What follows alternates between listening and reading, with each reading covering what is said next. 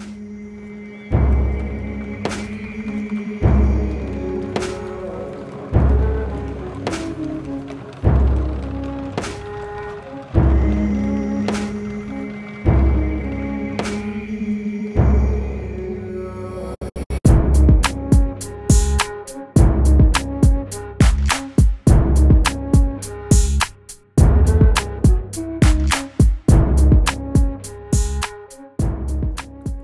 Góðan daginn, kæru hlustundir og velkomnir í Ormstungur.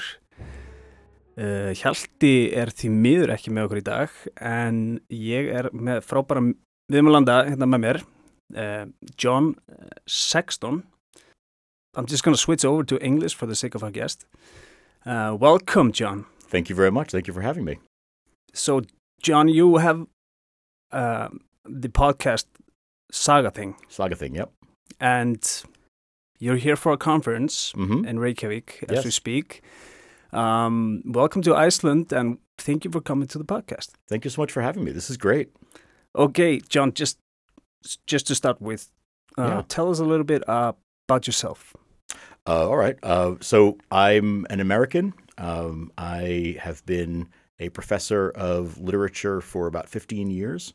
Um, I work in Massachusetts uh, at a place called Bridgewater State. Um, I am a uh, podcaster in my spare time. Uh, I don't have a whole lot of that because I also have two children, uh, two boys, nine and 11 years old. Um but uh, for the most part, I spend my time either teaching or writing or doing a podcast. Okay, uh, and you teach. You're professor at uh, university. yes. Um, what is your main research focus? So I've been focused on the sagas for as long as I've been allowed to be. Um, I was uh, Andy and I, my podcast partner and I, were both told in grad school uh, in America that we couldn't do dissertations on the sagas because we would never find employment, uh, and so we uh, decided to change that. Uh, and so we we forced the university to give us an exam in Old Norse uh, because we wanted to make a point. And then we went out into our jobs determined to sort of preach the word of, of Icelandic literature. Uh, and that that worked slowly. Uh, the there actually has been since then people who have focused on the sagas at our university where we came from. Uh, but we were also both fortunate enough to be able to teach the sagas at the universities where we ended up finding jobs. And so the uh, we started doing a podcast essentially as a natural outgrowth of that. We we missed being able to get together over a beer and just talk about the sagas we were reading, and so uh, since we were now living over a thousand miles apart, we decided a podcast was the best way to get to keep doing that. Okay, and um, it's just bizarre for an Icelander who grows up with the sagas and yeah, and it's just bizarre that two guys from America have a podcast on the sagas Yeah. and are like in general just interested in it. hmm Um, how how did that start? I mean, first I would say I, I don't sell the saga short. I mean, it's they're wonderful literature, and I I um, you know I was reading them long before I was getting paid to do it. Yeah, I think there are, you know, there are a few people. I think the problem is that not a lot of Americans are exposed to them. Right? It's not it's not a well-known field of literature in the states.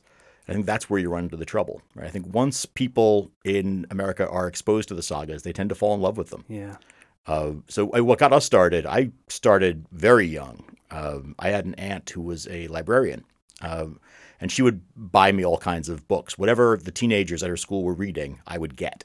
Right. So when I was ten years old, she gave me the rule books for Dungeons and Dragons because kids were playing in her library. Uh, when I was, I think, eleven or twelve, I was given a book of Norse myths, uh, the Crossley Holland translation uh, or edition, since he combined the Voluspa and the uh, uh, the Edda. Um, and I started reading this and loved the stories. You know, and of course, you know, I was a 12 year old, so I was interested in Utgard Loki and Thrymskvida and that kind of thing. Uh, but I started reading these for my friends, and we would just fall about laughing at them. You know, they were just w- great stories.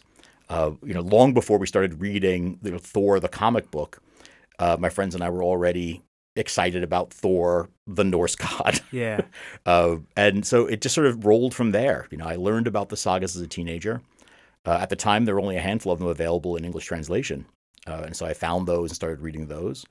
Um, and I always knew that I wanted to keep reading them and to eventually to learn Icelandic so that I could read them in the original. Uh, it wasn't until much later on that I realized I might actually get a chance to have a job involving it. Yeah, that's so interesting. And and like, are they are the, are the sagas popular in? Uh, I would say they're more popular than they were 30 Okay. or 40 years ago. Okay. Um, you know, popular culture has done a lot for them. Hmm.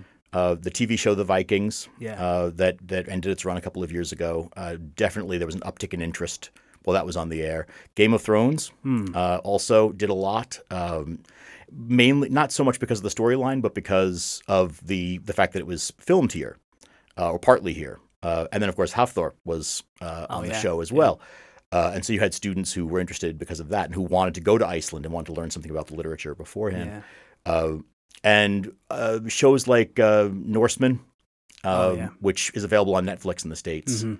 uh, and the movie The Northman that came out last year. Oh yeah, Right, by the- Sjón and Yeah, yeah, and Robert Eggers, yeah, Yeah. Uh, wonderful. They they actually were on our podcast last year to talk about the film. Oh, really? Uh, yeah, it was great. Uh, Yeah. We we subjected it to the same uh, criteria that we subject the sagas to. It was good fun. Oh yeah, Uh, we I think we did the same thing. Did you? Yeah, Excellent. I might have stolen your idea. Well, one way or the other. Yeah. we won't we won't be picky. Uh, but uh, you know, all that pop culture awareness has led to an upsurge in interest. The other side of that, of course, is that you also have an uptick in the number of people who are misusing the sagas and Viking history. Mm. Uh, and so you also have uh, people. I don't know if the Q shaman means anything to you over here. Nah. Uh, when when on, on January sixth, when we had the insurrection attempt at the at the White House in America, at the Yeah. Congress in America, Yeah. um, the the fellow who was wearing a big set of bull's horns, Oh yeah, the horns. Yeah. right, and had uh, what he thought were Norse tattoos all the way down one side of his body, Mm.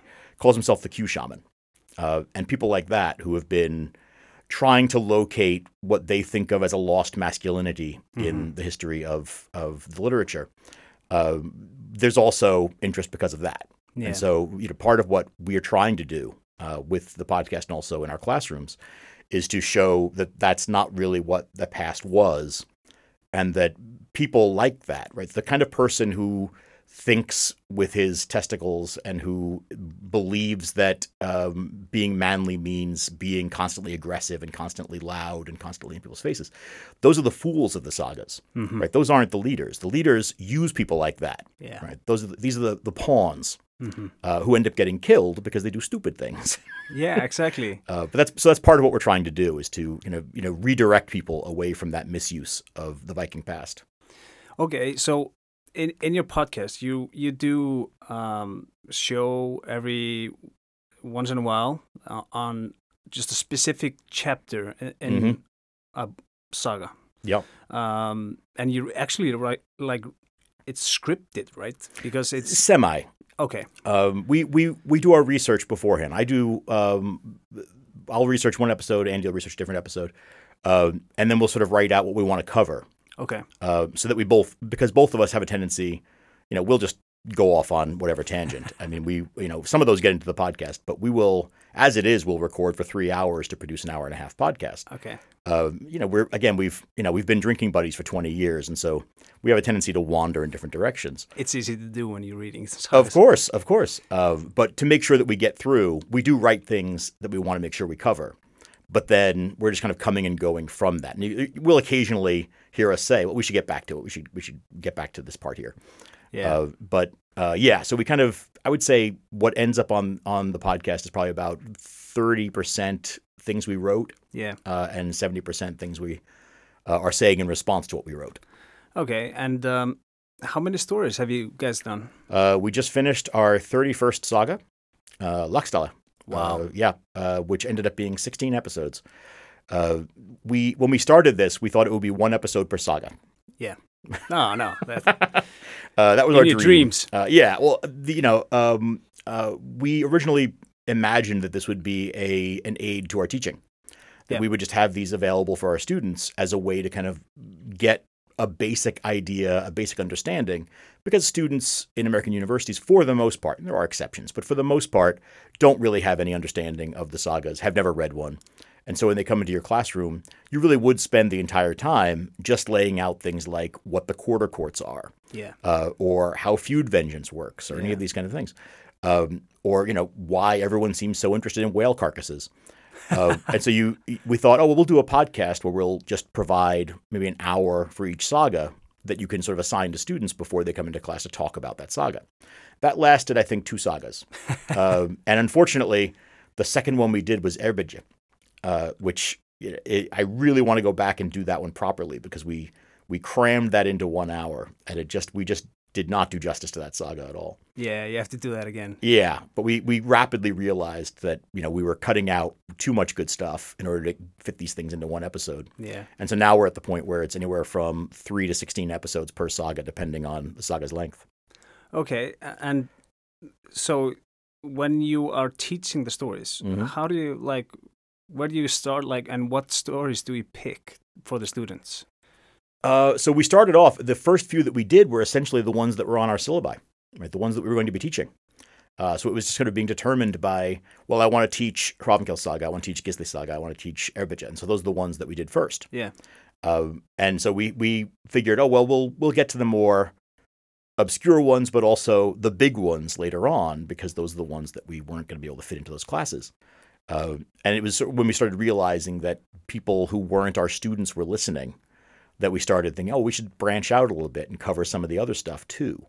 And from there, that point forward, honestly, there's no science to it. We just we call each other up once in a while and say, "So what do you want to do next?" Yeah. Uh, and one of us will have just been rereading, you know, um, uh, Havard Saga. Uh, so r- r- the one we're going to do next is Havard Saga Okay. because uh, I happen to be rereading it, uh, and we'll pick one for those reasons. No, not for any good reason. yeah. Uh, how do you guys choose? Uh, same. It's just Mm. whatever we feel like. Um, we try to pick the sagas that have like a general text, like not in the old language, Mhm. because the students get afraid of the text uh, Mm. as soon as they see it's a bit difficult. Right. Um, but most of the big stories like Eilsaga, Grettisaga, uh, Njálsaga, uh, Laxdæla, they all they've been rewritten for kids. So Yeah. we just read the read it with them. So Nice. um, and you know just to play around with it, let the kids just know the themes Mhm. uh, of the stories and the story arc and and Right. and also we're explaining things like you said like how were the laws hmm um, how how did people live and you know you can go anywhere Yeah. Yeah. I mean, there's so much to cover. yeah Uh, and you know, for us, I mean, you were saying the the difficulty of the language for some of them. Uh, the blessing for us was the publication of the complete translation. Hmm. Right. The in 2000, um, the the government right published a complete translation of all 49, Yeah. uh, or all 40 sagas and then 49 þættir Mhm. uh, all together. Uh, and that's, I mean, what a blessing because there were so many sagas that had just never been made available Yeah. in English before in any kind of extensive uh, uh, uh, publication. And so now our our students and our listeners can go and find these if they're really interested in them. hmm You know, they actually exist in an English language translation. yeah We are operating in English language translation uh, for our audience uh, because even our college students they're not learning Old Norse as part of our class, right? They're they're le- learning the literature, but it's literature in translation. yeah are, are the classes undergrad or grad level Uh, undergrad. Okay Um, I'd I'd like to eventually get a graduate course Yeah. put together, uh, but so far they've been all undergrad. okay and in america uh, is there like a society of people that like meet and you know talk about the sagas or like general interest in the sagas or Yeah, yeah. I th- well, this. I mean, there's various groups, right? We have uh, various uh, recreation society type groups uh, that where the Vikings or where something specific like like saga culture or something would be an interest, uh, but they aren't the focus, right? They aren't the only focus. We have a group in in Massachusetts where I'm from uh, called Hurstwic.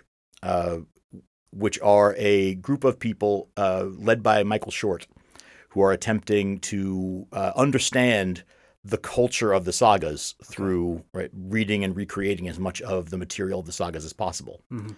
Uh, people listening might be able to find, if they're interested, uh, puts out like DVDs where they show different battle tactics from the sagas, and they actually practice them, and then you know, are jumping over each other or What's it called? LARPing? uh, kind of. Yeah. Except that in this case, they're specifically just saying, "All right, well, this is the scene from." oh, okay. Right. Uh, so when when you have, uh, uh, I think it's uh, Kari in in Njála who uh, tosses his shield and sword up in the air and then catches them in opposite hands. Oh, yeah. Right. So they do that kind of thing where they Yeah. sort of are showing you what this would look like in an actual battle. Gunnar catching the Yeah. spear. Yes. Yes. Yeah. Uh, yeah. Catching and retrieving, yeah, uh, or uh, lifting a man up on the end of his halberd. Yeah. uh, uh, so there's that kind of thing. Okay. But uh, not uh, not anything sort of extensive. Okay. Um, what What's your favorite saga? Oh, that's not a fair question. um, Unprepared. I honestly, it, it changes from time to time. Uh, if I'm talking about as a, a professor, as a teacher, Gisla Saga teaches so well. Uh, it's it is a a perfect little saga. It has everything that you need a saga to have, uh, and doesn't have any extraneous bits. Right? It's a very focused saga. It's a very uh, narrative heavy saga. Oh, sorry, I missed Yeah. it. What, what saga was it? Gisla. Gisla saga. Uh, yeah. It's it's written like a movie script. almost. Yes, yes, very much so. Uh, and you know, you get things like things that make it great for a classroom. Uh, the first chapter is the entire saga story in miniature, told with the previous generation. Uh, so that's wonderful, right? That you can kind of go through that and then point by point show how we get back to that each time. Um, the complexity of the central feud, uh, the the fact that the Surssons show up in Iceland and immediately disrupt all the local politics Yeah. right? They don't mean to, but they disrupt the intended marriages among the people in the community, right? That Thorgrim is supposed to end up married to Aldvesten's daughter. Um, the uh, Vestin was probably supposed to end up married to um, Thora. Uh, that these relationships all get messed up because uh, Thordis comes in and marries Thorgrim, Gisla comes in and marries Alth, uh, Thorkel comes in and marries Thora, and it's it's suddenly the uh, the the politics have been upended, Yeah. and what you're seeing is the consequences of that played out. It's a it's a it's a great little saga for teaching. Oh, it's so awesome. Yeah. The kids love it as well. As yeah, well. yeah, Because I mean, you feel sorry for Gisli because he has to make a choice. You know, Mhm. like he's forced to make a choice. Yeah. Um, Well, and the choice And who Gis- to kill? And who killed Viestin? Uh, one of that's also the great part of it, right? That you you you can spend an entire class. I have spent an entire class meeting on just marshaling the evidence uh, for who killed. So who who do you think killed Vestin? I can't. I like. I I asked the, actually a little bit. Um, me and Hjalti, we went to Westfjords Mm. uh, in what two years ago, and we traveled around, and um, we were at Þingeyri, close by Mhm. uh, where the saga uh, takes place, and there's this old guy. And there was like a Viking something, and there, there was this one old guy Mhm. who me and Hjalti decided to talk to, and I asked um, the the guy who killed Viestin, and he said, "You just have to read the story right." well, I okay. I mean, I suppose it depends on which story you read, right? If you read Erbridge's saga, it just says flat out that Thorgrim did it. Yeah. Right. Which doesn't mean anything because that's just what means, you know, that version of the story needs Thorgrim to be guilty. Yeah, Um, but yeah, I actually have a number of students over the years who've tried to prove to me that it was Thorgrim Neff, the, Oh, the the- blacksmith who makes the who makes wizard, Grasida- Yeah, the guy with the nose. right. That Yeah. clearly it was him. Oh, yeah. Maybe it was Thorkell. Yeah. I mean, that's you know the the uh, it's the unanswerable, right? And that's that's part of the fun. Yeah. Um. Yeah. So, uh, have you seen the movie Útlaginn? Yeah. The Icelandic. Yeah. How do you Um, like it? It's good. It's very good. Uh, I mean, it's uh, you know the production value is what it is. Yeah. But it's I mean they got the story right, Yeah. which is great. Yeah, it's cool. Uh, the kids love watching it after Of course. been reading it. So, Yeah. Um, what what's your favorite character? Ooh, that's even harder. Yeah. Um, you're gonna end up with a lot of dead air on your podcast. um, I mean, just as a person, you you can't beat Egil. No. Right. Uh, I mean, just the complexity of who he is, uh, the you know that he is everything monstrous about a Viking, right? That he is a troll, were berserk, uh, a, a a man who rips people's throats out with his teeth, um, who seeks out uh, enemies, even and then allows himself to go into rages where he kills children. Right? I mean, he's he's a he's a monstrous figure in many ways. He's also a deeply sentimental person. Um, he he never, I think, in his entire life, demonstrates that stoicism that is the mark of most uh, figures in the sagas. Right, that that is the mark of manliness. Egil is a man who wears his emotions on his sleeve. Mhm. Um, he is a, he is not just a poet. He is a poet who writes love poetry uh, and laments for sons and friends he has lost. Um, he's a man who is so overwhelmed by his emotions that he attempts suicide after the death of his son. yeah, Right? Uh, this is how can you not fall in love with this character? yeah. Uh, his daughter is a close second, by the way.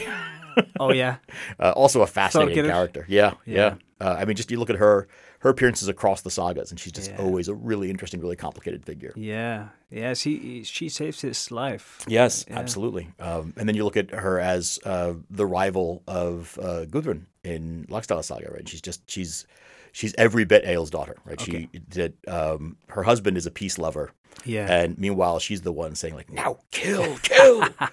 revenge. right? Uh, yeah. So I think Egil is probably, as an individual, my favorite character. Okay, good answer. Not- Um, not kind of an easy answer. I no, I should have gone for somebody more obscure.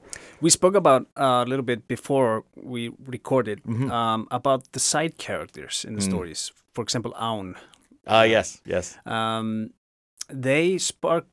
I mean, you could dedicate your life just to the side characters of the story who progress the story.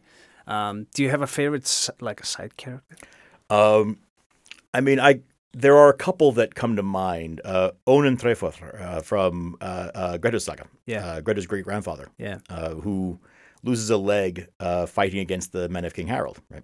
Uh, and side note, we learn in Egil's saga that it's actually Egil's uncle who cuts his leg off. Right. That he's on he's on the I opposite. didn't know that. He's uh, uh, well, it's him and his friend uh, Barth. Right, are at the forefront of Harold's ship in that same battle, and we're told that the champions at the front of the ship are the ones who decide to go high and low Yeah. uh, on Onund and cut his leg off. yeah. And so it has to be right. If we if we take the sagas as being sort of telling a collective story, they have to be the ones who did it. Okay. Uh, but uh, Onund, who loses his leg uh, and then spends the rest of his life struggling to come to grips with his injury, hmm right? um, that he has his best friend who rescues him from the water and gets him away to to first to the Hebrides and then to Iceland, uh, but who runs interference for him hmm uh, when they try to get a wife uh, for Onund, because his friend says, "What you need is a wife. Right? Yeah. That'll calm you down." Yeah. Uh, because Onund is composing poetry about how depressing his life is now that he's a one-legged man, uh, and the uh, the father, uh, uh, the first Grettir, but the uh, Overgrettir, uh, says, "Well, uh, they propose to his daughter." And he says, "Well, I, I have three objections to that. One, my daughter's like 14, uh, which valid. Two, uh, you have nothing because these these guys lost everything in the battle against Harold. Right? They lost their land, they lost their property, they lost everything. Uh, and third, one could say you are not whole, Hmm. uh, which is exactly You're what missing a leg. right, which is exactly what Onund feared. Right, that he would be judged harshly for that loss. Yeah. And his friend says, I don't think you understand what this leg means. Right? He says, This this man was a valiant fighter who stood against Harold, and he is worth more than many men who are whole in the legs. And there's sort of a veiled threat there, right, against Ofeig, right? That we don't we we can we can either end this amicably or we can talk about why you're standing here as a rich man in Iceland when we are not. Right? It's because you ran away rather than fight. Yeah. Uh, and so immediately his mind changes and he says, Well, okay, what I'm going to do is I'll loan you a ship. You can spend three years earning your, your wealth. Three years from now, my, my daughter will be old enough to marry. And by then, you'll be a rich man. And so you'll be able to marry her.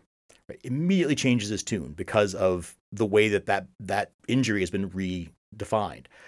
So Onund's great. His friend is also great, which is, you know, he's an interesting character as well, who we don't really learn any more about. No. Um, but um, we can also talk about Aun, who we talked about Yeah, earlier. you're doing a research on Aun, right? At the moment, yeah, uh, Aun uh, Twigbelly for our Brushbelly from uh, from Laxdæla Saga, uh, who people may or may not remember. He's a very minor character. Mhm. Uh, he's a servant in the household of Kjartan Olafsson, uh, who is as as you said earlier, not really by choice, uh, traveling with Kjartan, as Kjartan is sort of tempting fate by riding near the farm of his enemies. Yeah, we were playing with the idea that he just lo- loves Kjartan so much that he has to come with him. Yeah.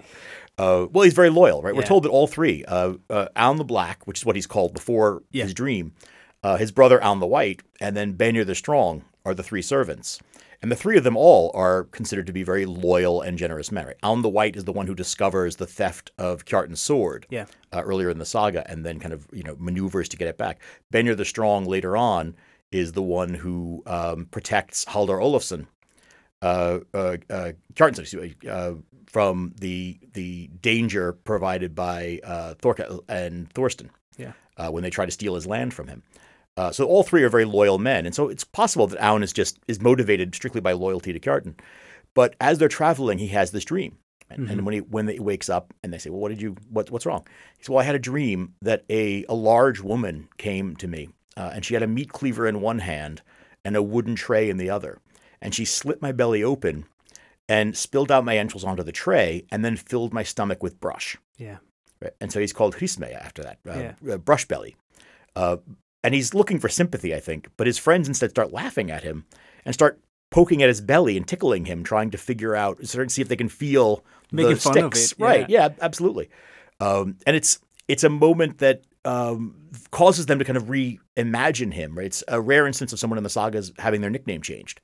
He's called Aun the Black, and then after this, he's called Aun Brushbelly. Uh, but then also that day, uh, he and Kjartan are both killed in battle against uh, Kjartan's enemies when Bolli and his men attack them. Kjartan and Aun are dragged away and brought home for burial, but that night Aun sits up again and says, I had another dream. Uh, and this time she came to me and she put my belly back. Uh, and so he he lives, right? He, Yeah. he, he, he, he heals from his wounds, and he's, but he's called Brush Belly for the rest of his life. Yeah. I mean, this is all by itself. This is a fascinating story, but then we can start looping in other literature. Uh, there's a tradition. Uh, are you familiar with the story of Berta Bellislitter? No. Uh, it's a troll. It's a troll woman who uh, exists in German and Italian folklore. Okay. Um, she is in the same tradition as like the Krampus or Father Christmas. Right? She comes and she judges children, and if the children have been bad, she cuts their bellies open and replaces their belly, what's in their belly, with straw and trash. If the child is contrite and behaves well after that, she'll return and put their belly back. Really? And so it's it's this odd moment where almost a children's story Yeah. ends up in this saga, which m- might explain why his friends don't react with sort of horror at this dream and instead think it's funny, because it's a it's a children's story, right? That what he's telling them is right. The boogeyman came and got me, uh, Mhm. and so they they don't react seriously because it's a child story. Yeah. Right? And the sagas are full of these totally unimportant figures Yeah. who just have these amazing stories to tell if you just start poking around at them. Interesting. So, do you do that a lot in your research, like comparing stories, um, like the sagas to other stories? Yeah, I'm, in this case, I can't claim uh, this entirely. There's a No. uh, there's a scholar who um, did make this make this connection Mhm. uh, that Aun is uh, that Aun's story is connected to Bertha Bellislitter. Um, uh, Thomas Hill uh, published an article about this. Uh, I'm I'm interested in applying it to what I usually work on, which is disability studies and the sagas. Uh, but the yeah, so in this case, somebody else found that for me. Uh, but it's it's often what you can do with the sagas because it Yeah. is it's they're the product of such a literary culture uh, that these are not people who are just writing down oral stories that have been passed down. Mhm. They're also people who are extremely well read, extremely widely read. Right? That um, you can also make an argument that Aun reflects a miracle story, a healing story. Yeah. Uh, right, that uh, there's a lot that goes into these narratives, Yeah. and it's because the people who wrote them down were just were consuming the stories of the entire continent, right? Not just the stories of their fathers and grandfathers, but also the stories that were being brought over from other countries. And the result is that the literature is made so much richer and so much deeper for it. Interesting. Can you can you explain um, re your research on disability studies Mm. and the sagas? Can you go? Um, yeah, I mean, I, I don't, I don't want to uh, bore listeners. No, just I'll go. I'll go briefly here. Yeah. Uh, but Uh, yeah, it's it, so. What I'm interested in uh, a great deal of disability studies that that have been done in sort of modern literature and modern uh, culture uh, revolve around uh, a couple of questions, and one of the questions is about uh, justice and access and that kind of thing, right? Advocacy, Yeah. which is a very important part of of of the field. that field is, as it should be, very focused on the present, right? because the concerns of access, the concerns of uh, uh, social justice are present concerns. Um, the other side is the focusing on the representation of disability in the past. Uh, and that can be a, an historical study, that can be an archaeological study, Mm-hmm. that can be a literary study. right? So we can take the example um, in the sagas, you find figures who are uh, born with a cleft palate. Yeah. Right? Uh, and we have multiple characters in the sagas who end up with the nickname Hairlip, right? Which is a a uh, derogatory nickname uh, in modern parlance, but at the time is descriptive. Yeah. Um, well, in many cases and in many cultures, uh, people born with the children born with a cleft palate were considered to be uh, very unlikely to survive because it was very difficult to feed them. Yeah. Um, but we know that in Scandinavian cultures, uh, people made uh, bottles that were shaped for a child with a cleft palate. Uh, we know this because of archaeology. Uh, and so, why are these people surviving in, in the saga stories when in other parts of the continent you aren't finding people as often uh, Yeah. with this condition? It's Yeah. because right there is this prosthesis being built uh, to help them survive. And there's all kinds of things that go into that, right? It's the, a rich a rich man's child is much more likely to get that kind of care than a poor man's child. right? You're also going to need to hire a nurse to feed that child um, because that's going to be a constant concern. So the rich are going to be able to uh, keep these kids alive, and the poor are not. Uh, but it's it's one of those factors that go into understanding how disability might have worked in the past. Um, the sagas in general, if we look at uh, as just a literary sort of culture, um, the sagas tr- show us people who are physically disabled, uh, who are still very much a part of uh, the world. They um, that someone like to go back to Onund for a moment. Right? Onund continues to serve as a skipper. Uh, he fights duels. Uh, he becomes known as the greatest one-legged warrior of his generation. Yeah. We're told at his death uh, that he's a very active man who involves himself in every aspect of life. Uh, physical disability, most of the time in the sagas, is treated as a challenge, not a disqualifying um, factor in whether somebody is a successful person or a successful man. Yeah. right? Because masculinity is always at the heart of the sagas. Oh yeah. Um, mental disability, on the other hand, is treated quite cruelly. Yeah. Uh, uh, you take in Gisla Saga, uh, Helgi Ingjaldsful. yeah. Yeah. exactly. Uh, right, a uh, a man who we're told is uh, ha- is at the level of the beasts, Yeah. and who is kept chained up in his parents' front Mhm. yard. Right, and he's called uh, Ingjald's fool, not Ingjaldson. Yeah. Right, he isn't he isn't Ingjald's son. He's a burden that Ingjald is stuck with. Exactly. Uh, and that's so we see in this culture there's a real divide there, right, where in modern culture, in some ways, uh, we have found uh, ways of accommodating and uh, uh, embracing mental difference, uh, emotional difference, Mhm. right, uh, uh, neuroatypical right conditions. Uh, in ways that are much more understanding than we treat, for example, a person who is blind. Yeah. Right. Uh, who has huge impediments to everyday life, hmm right? And um, in many ways are shut out from parts of life because we we do not make those allowances. We do not make those accommodations. Right. In uh, Njála, we f- we see Amundi the blind, right, the grandson of Njal, Who gets the vision again and then vision for just a moment, Yeah. yes, uh, but who is living as a suc- successful enough man that he is attending the Althing. right, Yeah. When that happens, uh, he is he is clearly an active and social person. Mhm. So it's the our culture and the culture of the past have been very different in the way they've addressed disability, in the way Yeah. they've treated disability. And the sagas show us a lot of disabled figures, a lot of people who have suffered injuries, a lot of people who have conditions Yeah. uh, that make them unique. I mean, Egil, he had like Oh yes, his face yeah, yeah, I mean, deformities. yeah. absolutely. So do you, uh, do you do you think much about Egil as a disabled figure, or do you? Uh, no, I mean, when you go to the Landnámssetrið in Borgarnes, Mhm. have you been there? Yeah, yeah. Um, you end up with the what's it called package uh, syndrome or something. Yeah, like- Paget's, yeah. it- the theory about his like Yep. face. Maybe he was just like a big ugly guy, you know. Yeah. So Yeah. Well, and the problem. Sorry. No, you could. Uh, the problem is that uh, the end of the saga tells us that they find this skull. hmm Long after Egil has died, they find this skull uh, at the church where he's supposed to have been buried. And they say, well, it has to have been Egil's skull Yeah. because nobody else would have had a skull like this. Yeah. Remember, the, the priest tests it by hitting it with a hammer. Yeah. And all he does is make a little white mark on the skull. Yeah. Uh, well, the problem with that is that it's the text. First of all, the text is you know telling us this story, but even then, the the skull is being identified as Egil's because it matches a man described the way Egil is described. Yeah. But of course, that saga was written after that skull was discovered, Yeah. and so Egil is described in a way that justifies the discovery of that skull at the end of the story. Yeah. And so you're stuck in a loop when it comes to right, how to whether that diagnosis has any real meaning. Yeah.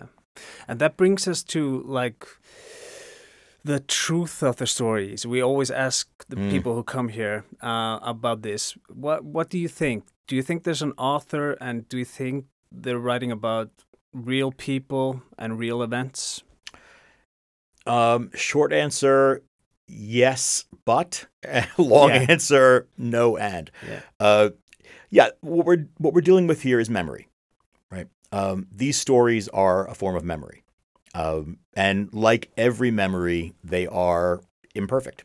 Um, Yeah. Right? We we don't remember our own pasts perfectly, right? If if you and I were both to describe the conversation that we've had since we started recording this, we would have different versions of what was said and the order in which we spoke. Yeah. Um, our memories are not reliable. Um, and so the sagas are not just a person's memory, they are memories that have been passed down through anywhere between five and 10 generations between the time that the events take place and the time that the saga is written down by a compiler or by an author.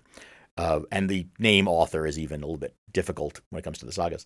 Uh, so we're dealing with the imperfections of many memories. Right. Some of these people had very good memories. Yeah. Most medieval people had better memories than we do because they didn't carry an external brain in their pocket that they could rely on to remember things. Right. Um, but uh, even then, right, memories are uh, subject to change, but also, of course, subject to opinion. Right. Um, when we talk about who killed Vestein Vesteinsson, right, there's a matter of opinion there Yeah. right? If you think it was Thorkel, then you're going to tell the story in a certain way. If you think it was Thorsten Gothi, then you're going to tell it in a different way. Yeah.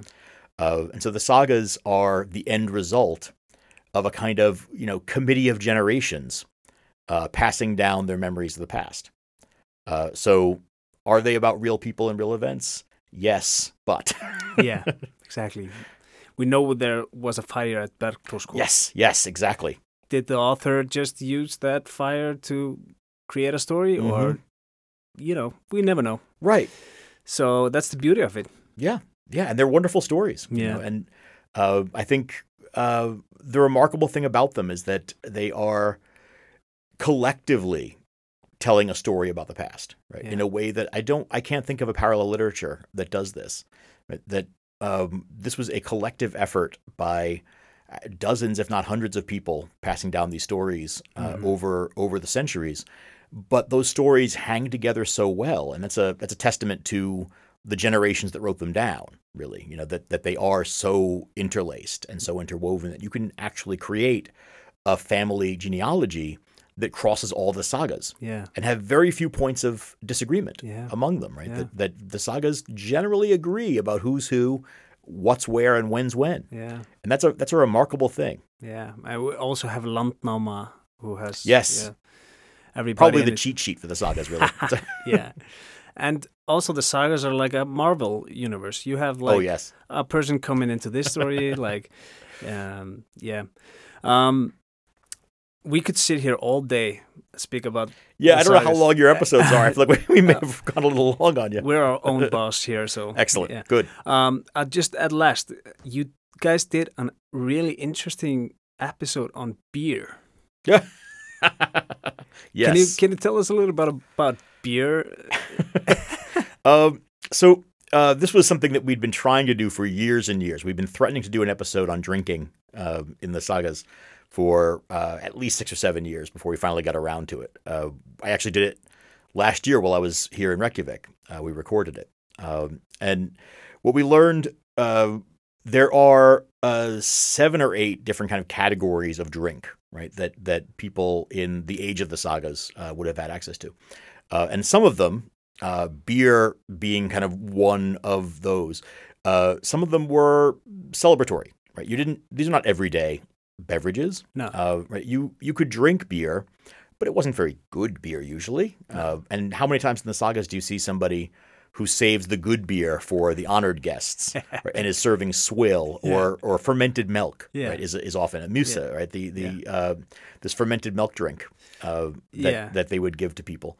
Um, that you sort of had to get creative about the ways you were going to consume alcohol if you wanted alcohol for celebratory and intoxication reasons.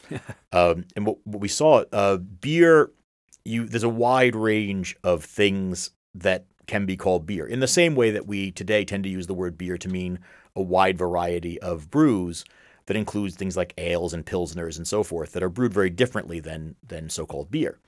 Um, we don't differentiate among those things, and so we shouldn't expect that the sagas do. And so what we're looking at shouldn't be one consistent thing across all the sagas. Um, beer is celebratory, but it's not celebratory on the level of mead, right? Mead is for very special occasions Yeah. because honey is hard to come by.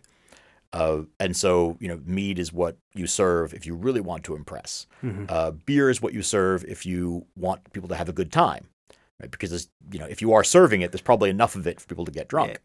Um, even then, you're very careful, right, about where and when you drink. Right? Um, there's how many times does the Havamal give advice about not getting drunk in Oh, mixed yeah. company, right? Stay, stay sober and Yeah. keep your tongue quiet. Yeah. Um, because we have multiple examples uh, in the sagas of people who get drunk Mm. and then make decisions that they later regret, right? Uh, uh, Bjorn Hilderdal champion, right, who uh, gives uh, uh, sensitive information about the woman he loves to a person he thinks is his friend while Yeah. drinking, and then has to deal with the consequences of that for the rest of his life. Yeah. Uh, that it's you have to be careful about who you're drinking with, right? How many times does Egil get into trouble while drinking? And throws up.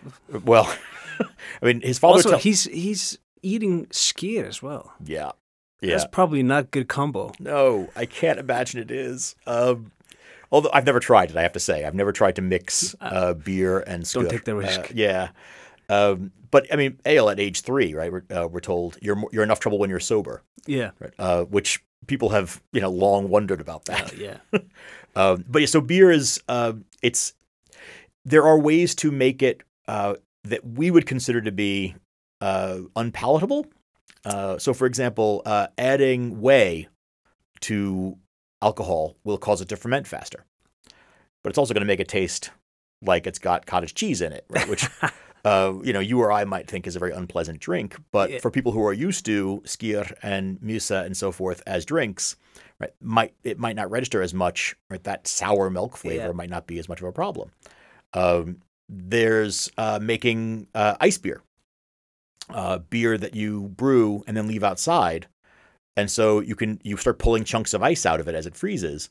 Right? The water freezes, but the alcohol does not, and so the more you do this, the less you are going to have left, but the more alcoholic it's going to be.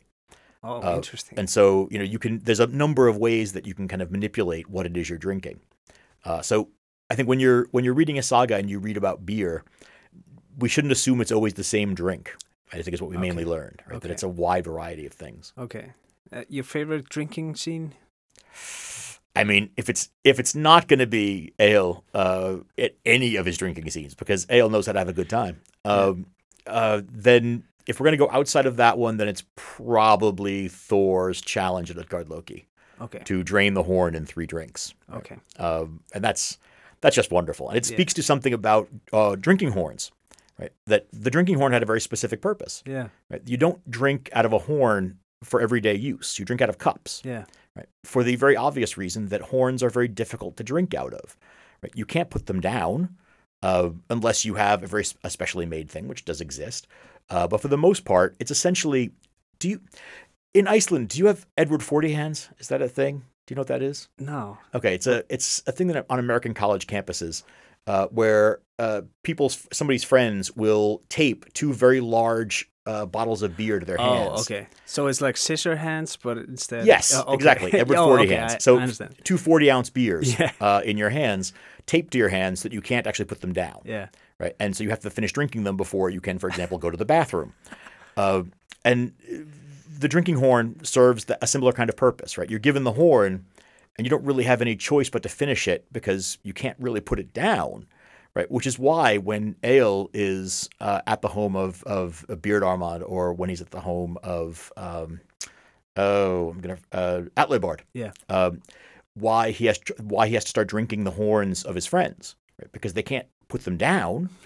Uh, they have to do something with them, and so Yeah. he's just throwing back these horns. Yeah. Right? But that's so the horn is a celebratory thing, right? When Ragnar in his uh, death poem uh, says, "We drank, we drank from the bent bent trees of the skull," right? He's referring to a celebratory drink Yeah. that we drank from from the drinking horns rather than from our boring everyday cups Yeah. right? because we were celebrating a victory. Uh, and so yeah, yeah, that's so it's got to be yeah, it's Thor. yeah. Good. Uh, well, it's been a pleasure. Thank you so much for Uh, having me. Thank you, John. And apologies to your listeners that we had to conduct this in English. My my spoken Icelandic is extremely poor. no problem. Um, all the best to Andy, and good luck with your podcast and your research and teaching. Thank you so much, and good luck with this. Thank you.